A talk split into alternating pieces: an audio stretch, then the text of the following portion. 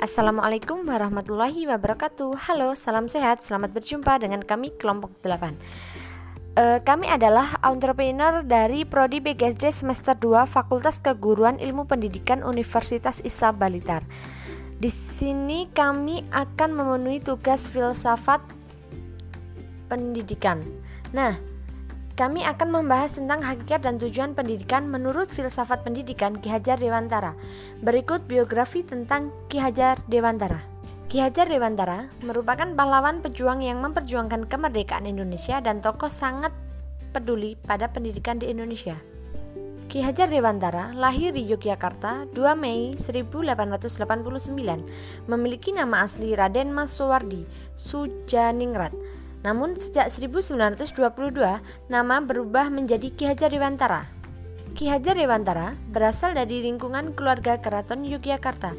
Ki Hajar Dewantara menamatkan pendidikan dasar ELS, Sekolah Dasar Eropa atau Belanda.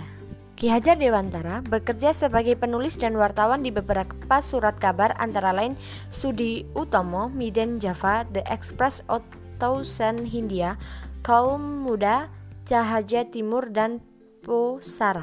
Saat usianya genap 40 tahun, Ki Hajar Dewantara mendirikan sebuah taman siswa pada 3 Juli 1922 yang memiliki nama nasional Underwis Institut Taman Siswa atau Perguruan Nasional Taman Siswa yang merupakan lembaga pendidikan diperuntukkan bagi-bagi para pribumi jelata untuk bisa memperoleh hak pendidikan yang sama seperti para bangsawan dan kolonial Belanda.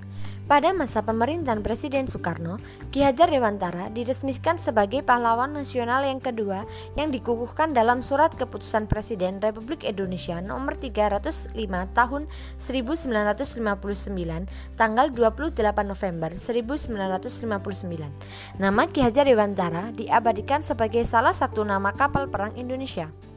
Untuk materi selanjutnya akan dijelaskan oleh Risma Anggraini. Hakikat pendidikan menurut Ki Hajar Dewantara Hakikat pendidikan menurut Ki Hajar Dewantara adalah menuntut segala kekuatan kodrat pada anak-anak agar mereka sebagai manusia dan sebagai anggota masyarakat dapat mencapai keseluruhan dan kebahagiaan yang setinggi-tingginya.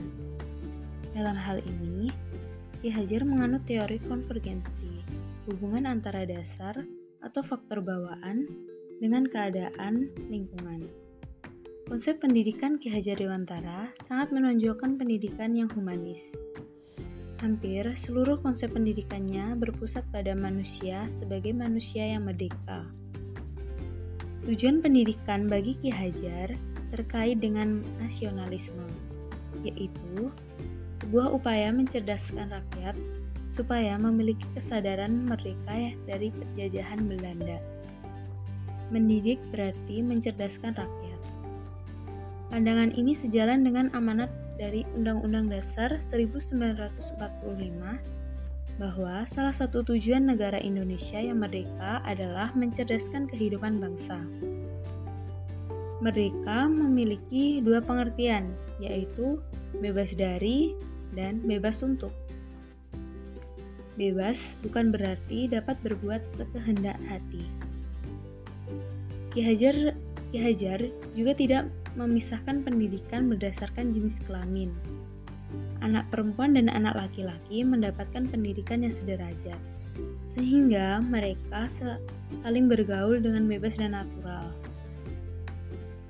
Ki Hajar, Ki Hajar juga berpendapat bahwa anak-anak perlu diperkenalkan dengan adat istiadat, karena adat istiadat sering kali terdapat aturan-aturan yang sudah selaras dengan kodrat. Ki Hajar sangat menghargai adat istiadat dan kebudayaan yang berisi nilai-nilai luhur kemanusiaan. Kebudayaan merupakan salah satu hasil budidayanya manusia, dan kebudayaan adalah karakteristik kemanusiaan.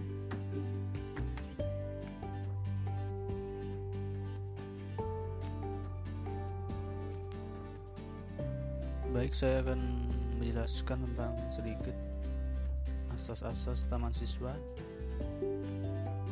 pendidikan Hajar Dewantara yang mengandung pendidikan manis religius berikut ini yang pertama hak seseorang untuk mengatur dirinya sendiri dengan memperhatikan tertibnya persatuan dalam peri kehidupan umum, tertib dan damai sebagai tujuan taman siswa.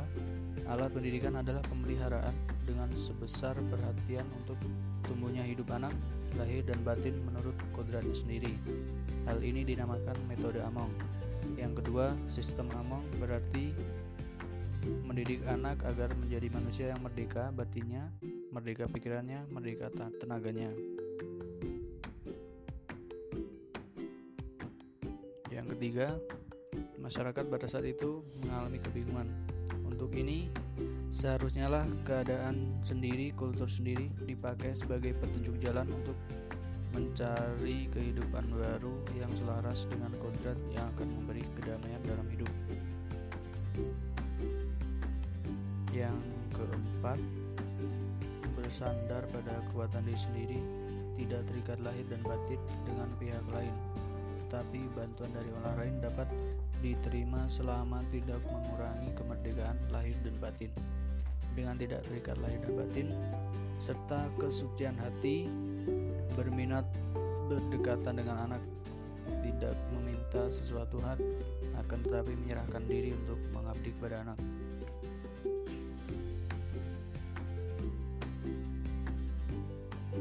Kemudian yang kelima, Trisentra atau Tripusat merupakan tiga tempat pergaulan yang menjadi pusat pendidikan yang amat penting baginya, yaitu alam keluarga, alam perguruan, dan alam pergerakan pemuda.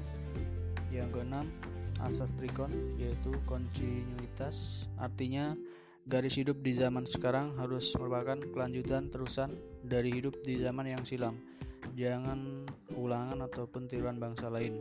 Konvergensi artinya keharusan untuk menghindari hidup menyendiri, isolasi, dan untuk menuju ke arah pertemuan dengan hidupnya bangsa-bangsa lain.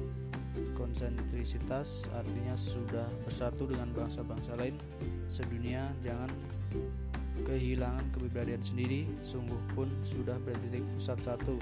Namun di dalam lingkaran-lingkaran yang konsentris itu kita tetap masih mempunyai circle atau lingkaran sendiri. D. Peranan guru dalam pendidikan taman siswa. Pendidikan taman siswa yang humanis religius diimplementasikan dalam praksis pendidikan. Oleh karena pendidikan itu sebagai tuntunan kepada anak, maka guru berperan penting dalam pendidikan di dalam perguruan taman siswa. Pedagogik dapat disamakan dengan pangkulawentah yang dapat diartikan sebagai momong, among, dan ngemong. Dasar pendidikan yang dipakai bukan perintah, hukuman, dan ketertiban, tetapi tertib dan damai dan tata tentrem. Akan tetapi hal ini bukan berarti membiarkan nguja. Kita harus mengamat amati atau menjaga agar anak bertumbuh menurut kodratnya. Peranan guru dalam melaksanakan sistem among yaitu A. Mengenali kodrat anak-anak dengan tidak melupakan segala keadaan yang mengelilingi. B. Memberi tuntunan dan menyokong anak-anak di dalam tumbuh dan berkembang karena kodratnya kodrat iradatnya sendiri. C. Melenyapkan segala yang merintangi pertumbuhan dan perkembangan yang terjadi karena kodrat iradatnya. D. Mendekatkan anak-anak kepada alam dan masyarakatnya. Dalam menjalankan peranannya, Guru dapat memposisikan diri sebagai pemimpin dengan melaksanakan A. Tuturi Handayani B. Ingat Madya Mangunkarso C. Ingarso Sungtulodo Kemudian yang E, refleksi terhadap konsep pendidikan Ki Hajar Dewantara.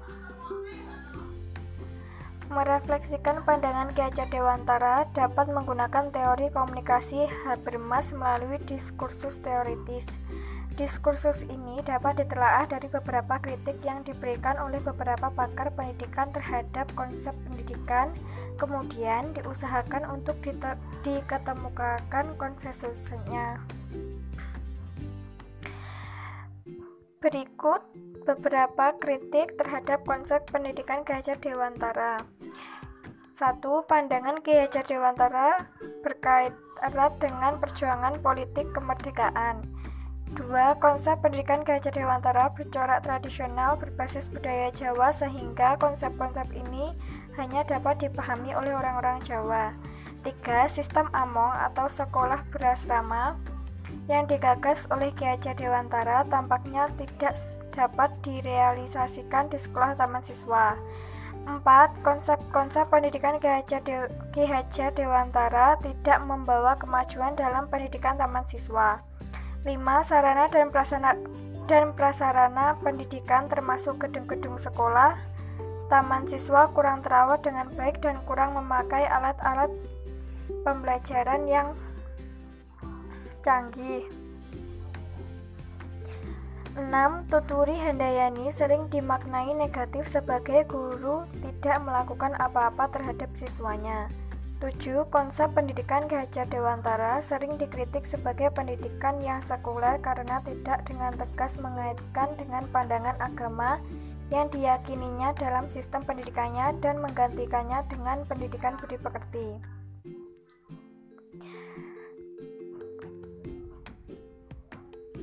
Begitulah podcast dari kami. Apabila ada tutur kata yang kurang berkenan di hati pendengar semua, kami mohon maaf yang sebesar-besarnya. Wassalamualaikum warahmatullahi wabarakatuh.